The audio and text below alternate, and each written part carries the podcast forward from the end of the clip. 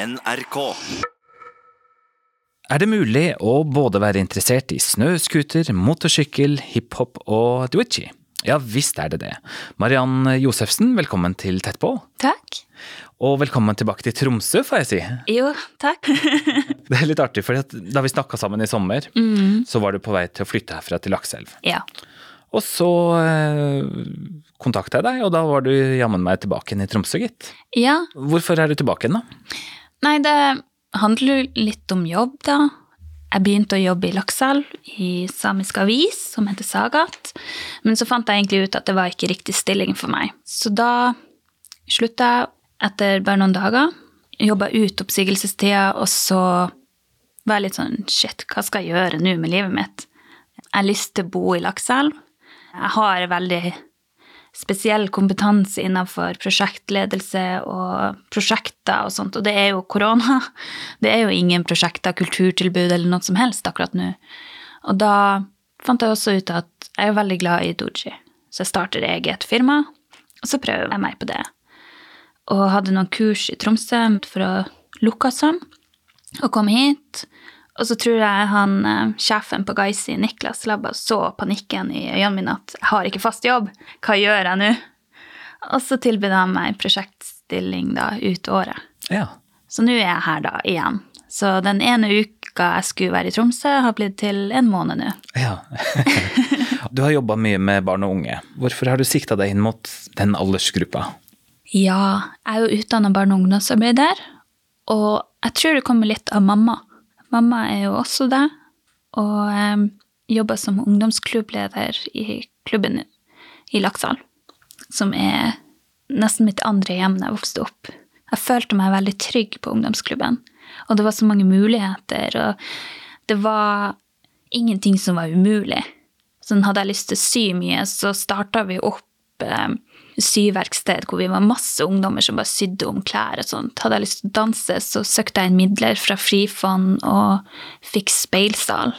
Det er det jeg syns har vært så fint med ungdomsklubb og ungdomshus og sånt, at det er egentlig ingenting som stopper deg, og spesielt i nord, hvor det ikke er så mange prosjekter. Folk kaster jo bare penger etter deg, nesten. Hvis du vet hvordan du skal spørre etter dem, og hvor du skal gå for å få det. Og det lærte jeg ganske fort hvor man gjorde gjennom mamma og ungdomsklubben, da. For hun hadde kjempegod kontroll på det. Og nå jobber du altså på det som heter Geisi Gelego mm. altså Geisi språksenter i Tromsø. Hva er det du gjør der? Der har jeg mye doji for um, det mest norsktalende, da, for jeg snakker jo ikke sjøl samisk enda. Men akkurat nå så drar jeg ut en gang i uka til Lakselvbukt og underviser skoleelevene der. Og så har vi hatt eh, lukka-kurs for ungdom mellom 15 og 30. Og så skal vi prøve oss på digitalt tinnarmbåndskurs før jul. Så skal vi dele ut pakker til deltakere, og så skal vi gjøre det gjennom Zoom, er planen. Litt sånn koronavennlig kurs. Ja, nettopp. Hvordan blir det tatt imot blant eh, ungdommen, de her kursene? De kursene har blitt veldig godt tatt imot. Det som er så spesielt her, er jo at de er veldig glad i det tradisjonelle her i byen. da. De ønsker gjerne det helt tradisjonelle, sånn lukka søm, de ønsker koftesøm, de ønsker å lage den tradisjonelle veska. Det skal liksom være det, det meste de kjenner til, som de forbinder med det samiske. Så har du f.eks. i litt mer indre strøk hvor jeg kommer fra, hvor det er sånn at vi ønsker litt mer utradisjonelle ting, og utfordre den veska og lage den på en helt annen måte med masse farger og bånd og sånn. Det har de ikke likt her.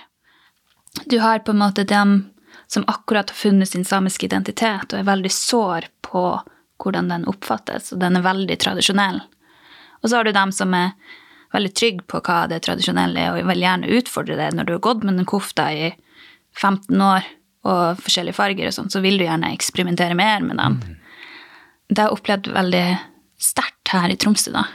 Jeg har ikke vært så bevisst over det når jeg har vært i Lakselv, hvordan det har vært, akkurat den delinga. Så vi har jo også på, hatt store diskusjoner om det på Geisi, hvordan man tilrettelegger for alle. Man kan si det er så mange forskjellige grupper man må tilrettelegge for. Ja. For hvor samisk man føler seg, og hvor eksperimentell man er.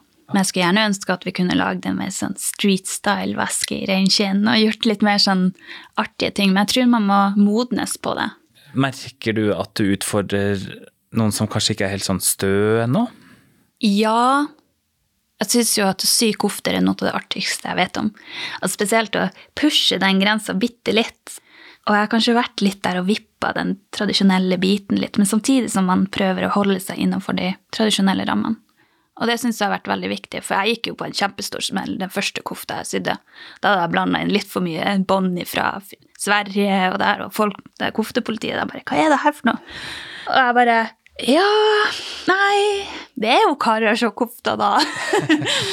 Men jeg ser jo hvor de kommer fra. Og det var en veldig sånn lærepenge på at den grensa der, den er syltynn, men når du stiger over den, da blir de litt sint. Ja. Og jeg skjønner den, for det er veldig viktig å holde de tradisjonene. Og etter den episoden så ble jeg veldig bevisst over det, men jeg blitt veldig god på å utfordre dem.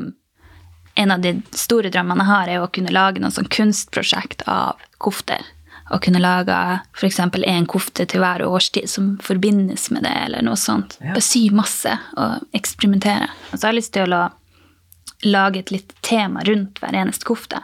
Som den forrige annonserte, da, det var en veldig sånn høstinspirert kofte med gull og oransje og sånn.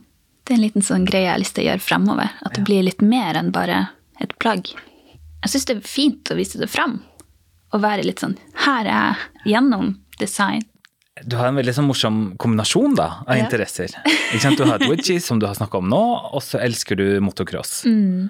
Det er jo mange sånne motocross-miljøer i, i, Finnmark, da. Ja. Og du har vært en del av det så å si hele livet, eller? Ja.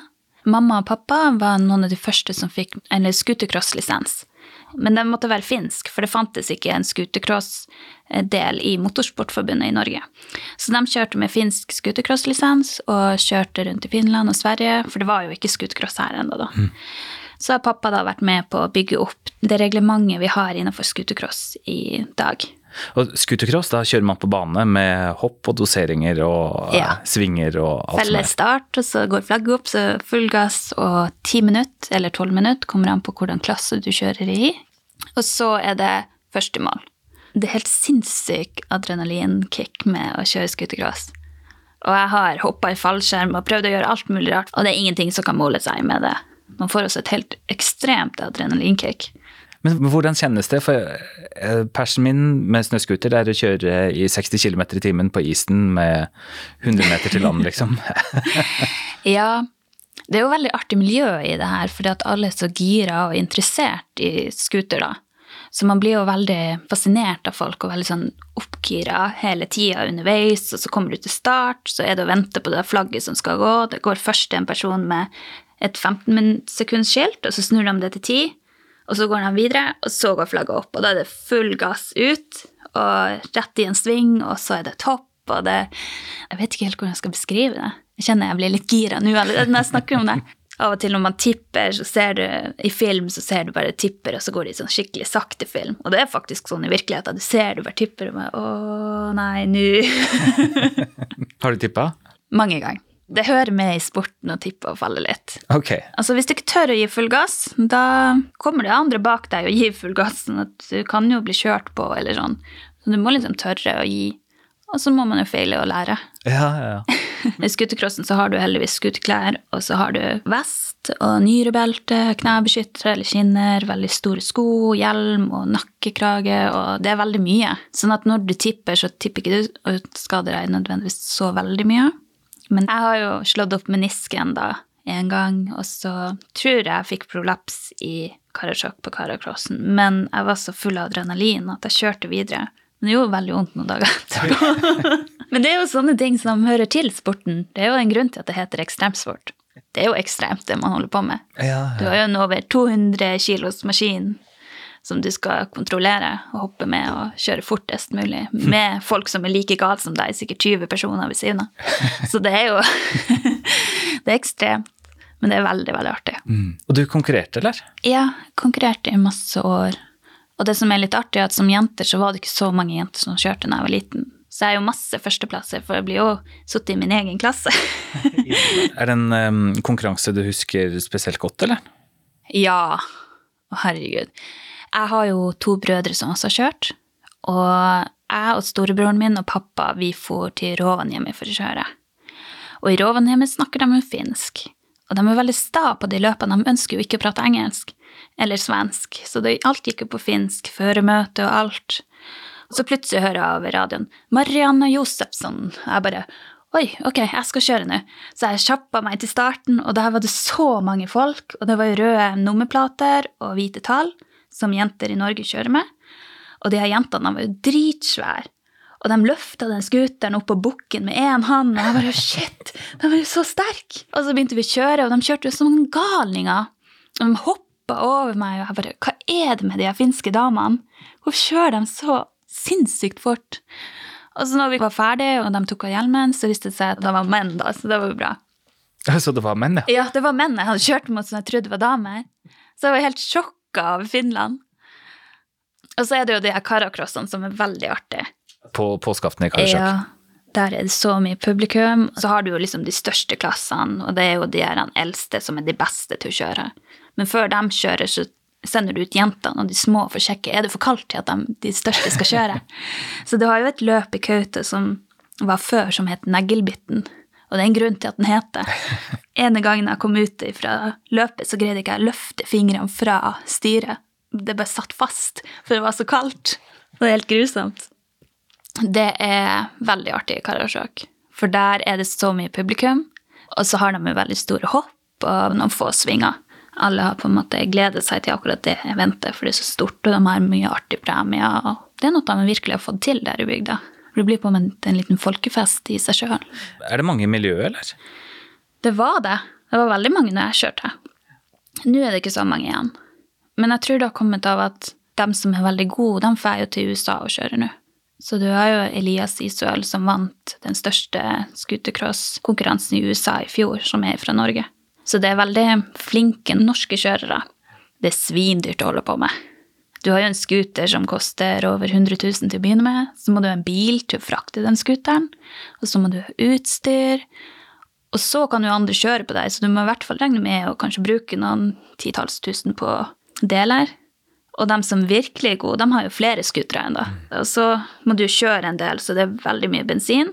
Og hvis du er veldig god, så kjører du jo på flybensin også på scooteren for å få det lille ekstra. Det bare baller på seg. Og du ser jo dem som kjører veldig mye og vinner mye. De er svingodt trent. Det er toppidrett på høyt nivå. Det jeg syns er så koselig, er jo at jeg hadde jo aldri tilbringt så mye tid med mamma og pappa hvis ikke det hadde vært for crossen. For vi var jo ikke på de normale hytteturene, vi for på løp hver eneste helg.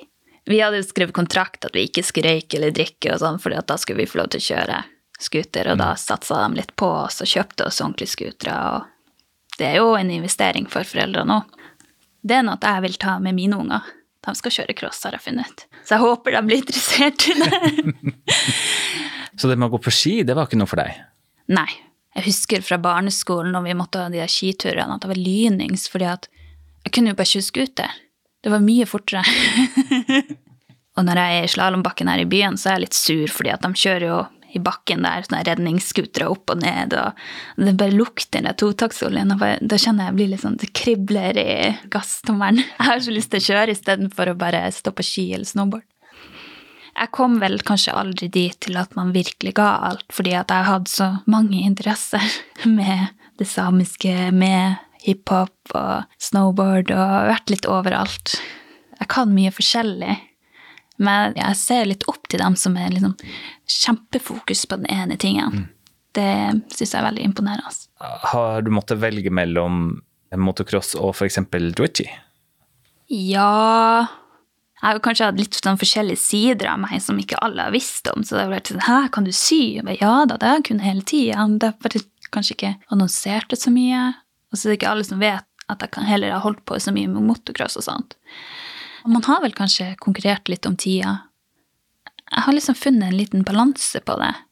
Jeg blir veldig oppslukt av det jeg holder på med.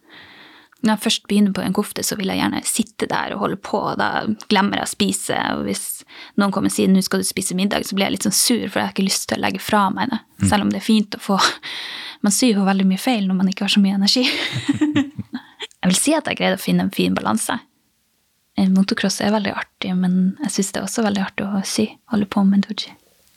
Virker som det aktiviserer ganske forskjellige deler av uh, hjernen, da. Ja, jeg tror det. Hjernestammen bare ruller på hver sin side.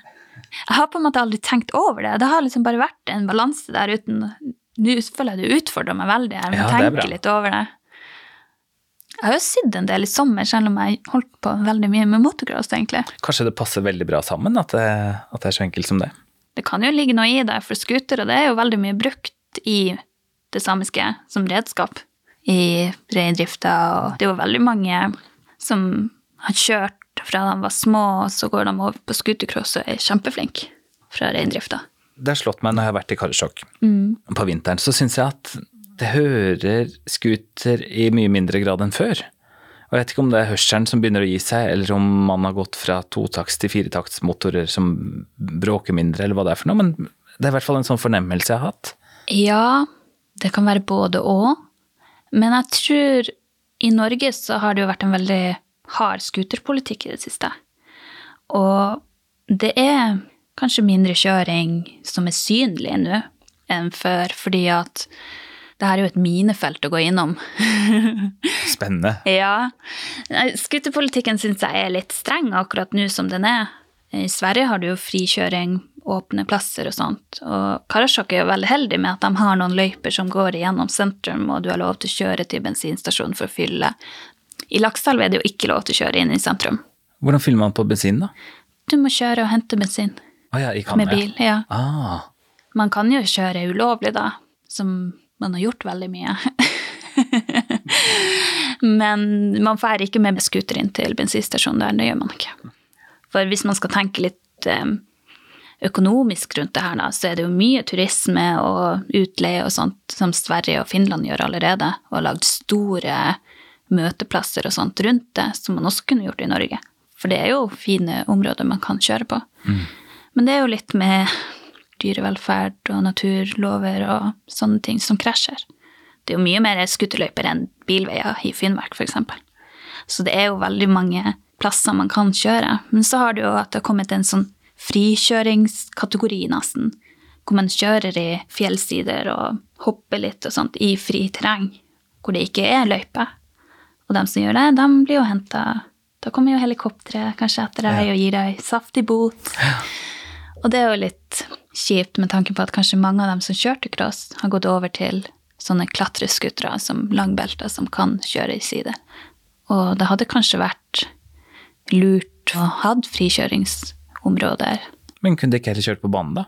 Jo, de kunne nok det, men da igjen så har du jo kanskje en scooter som er spesialtilpassa til banekjøring, med en liten tank, 20-literstank. Jeg har jo også kjørt min crossscooter på fjellet. Jeg måtte jo droppe en 20-liters bensintank bak på scooteren. Så er det veldig mange sånne fine bilder hvor det har sånn her fem meter langt bånd som snurrer rundt for å holde den på. Så måtte man stoppe midt på fjellet og fylle.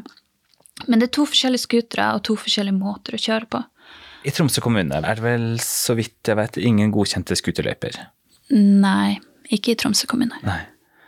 Jeg har faktisk vurdert å søke på jobb på alpinsenteret bare for å kunne kjøre scooter der. Var det det? Ja. Men eh, det er jo det som gjør at jeg vil hjem til Finnmark for å kunne kjøre scooter. Det er en såpass stor del av livet mitt at man får liksom ikke pose og sekk her i byen. Og det irriterer meg litt, for jeg skulle gjerne ønske at det var mulighet til å kjøre scooter her. Det er ufattelig mange personer som har scooter i Tromsø kommune, men alle må kjøre ut av kommunen for å kjøre. Det er ganske rart.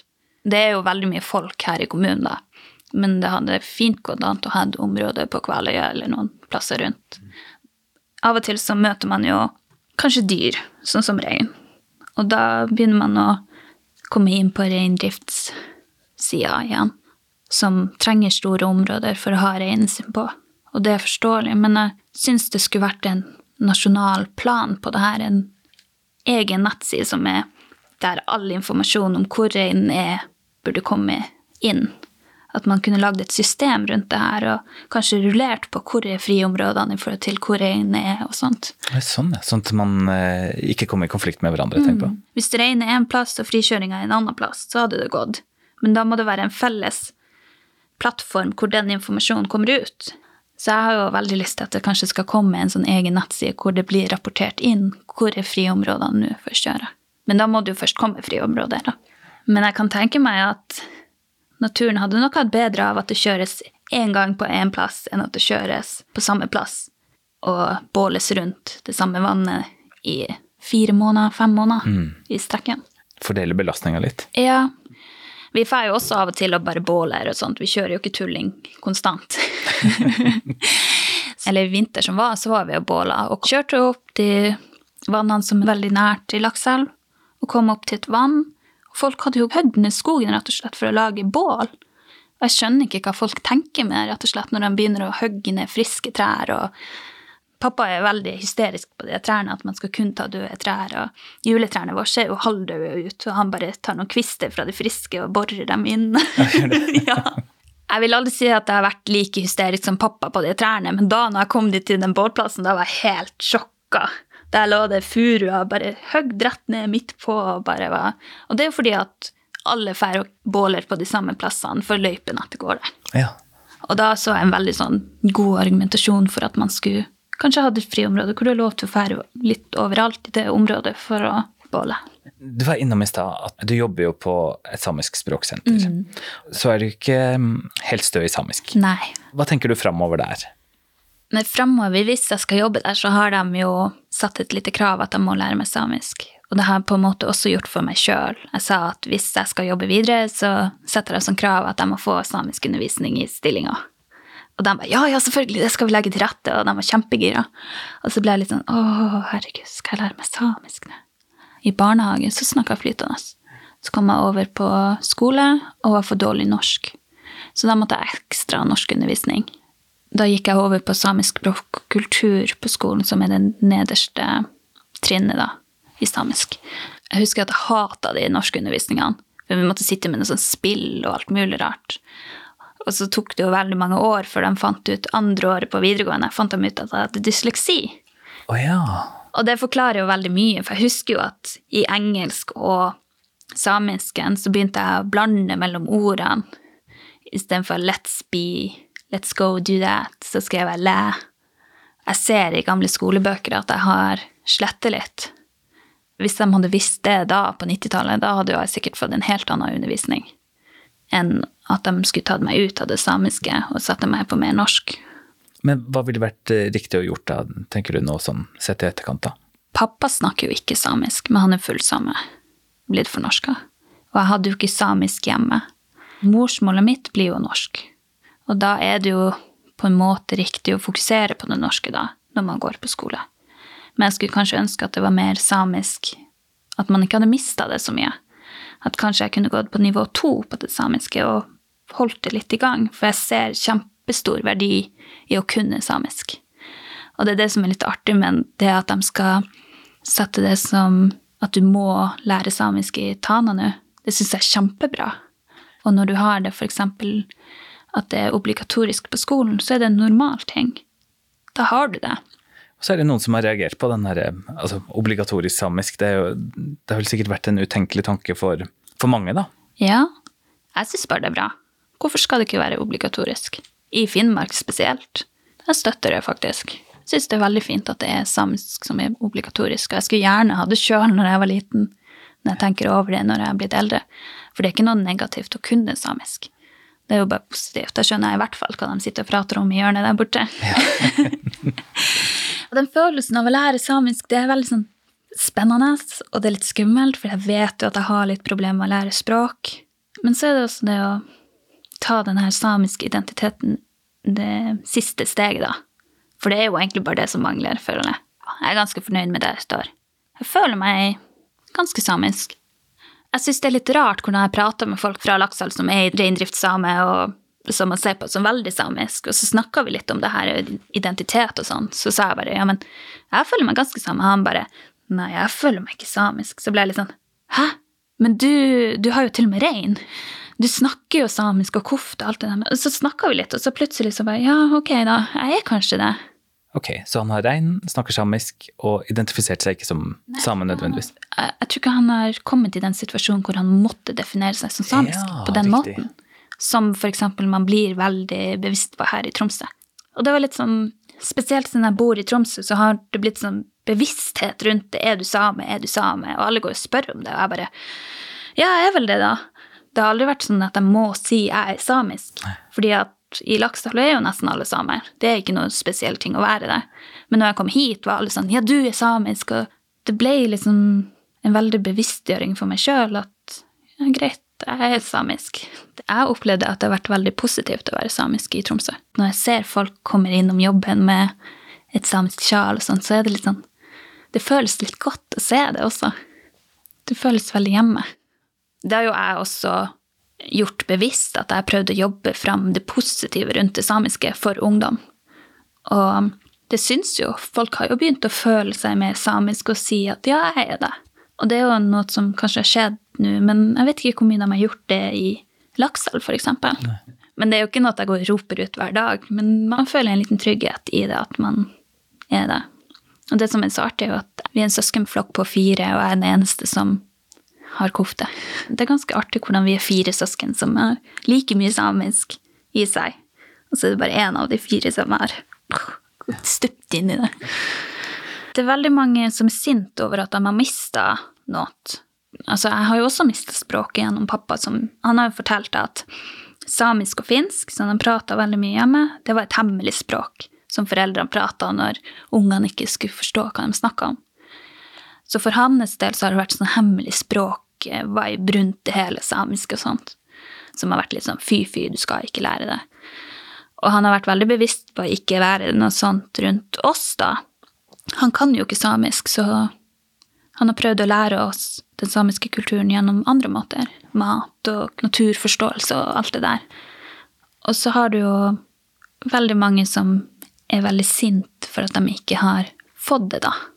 Som kanskje har funnet ut seinere at de er det, og er sint på foreldrene sine vegne at de ikke kan det. Og når man tenker på det, så er det jo blitt veldig gode forutsetninger for å lære seg samisk nå, og ta det tilbake. Det er så mye støtteordninger for å starte noe samisk. Man har greid å snu på det veldig. Jeg føler kanskje istedenfor å være så sint, så burde man utnytte systemet litt. Og prøve å gjøre det om til noe positivt. Det her er også et kjempestort minefelt å si at folk er veldig sinte, for de har all rett til å være sint. Men hvor lenge skal du gå og bære på sinthet? Man får jo aldri gjort noe med den urettheten som er gjort. Og da tenker jeg at da er man sjøl ansvarlig for å snu det om til noe positivt og utnytte det som er, og skape noe av det som er, og skape den positiviteten. I løpet av noen få måneder så har du flytta fra Tromsø til Lakselv og bytta jobb, og så har du starta firma, og så har du flytta tilbake til Tromsø, og du har fått deg en ny jobb, og nå skal du muligens lære deg samisk bedre enn det du kan i dag. Uh, hva gjør du om tre år, tror du? Å, herregud. Det er kjempevanskelig å tenke hva man gjør om tre år. Det hadde jo vært kult å ta mer utdanning innenfor doji. Det hadde vært kjempeartig. Det hadde vært kjempekult å sagt jeg jobber i Sametinget med noen sånne offisielle greier. Men de er jo kjempeflinke, de som jobber der og er veldig høyt utdanna og sånt. Eh, og det er jo ikke jeg med fagbrev. Men kanskje en dag. Og så har jeg veldig lyst til å kunne bo i Finnmark og leve. Kanskje sånn influenser på heltid. Sånn samisk influenser og scooterkjører. Det hadde vært kjempeartig. det er mange muligheter. Ja. Mariann Josefsen, tusen takk for at du var med i Tett på. Jo, takk for at jeg fikk komme. Jeg heter Svein Lian Tett på fra NRK Sápmi, er produsert av En til en Media.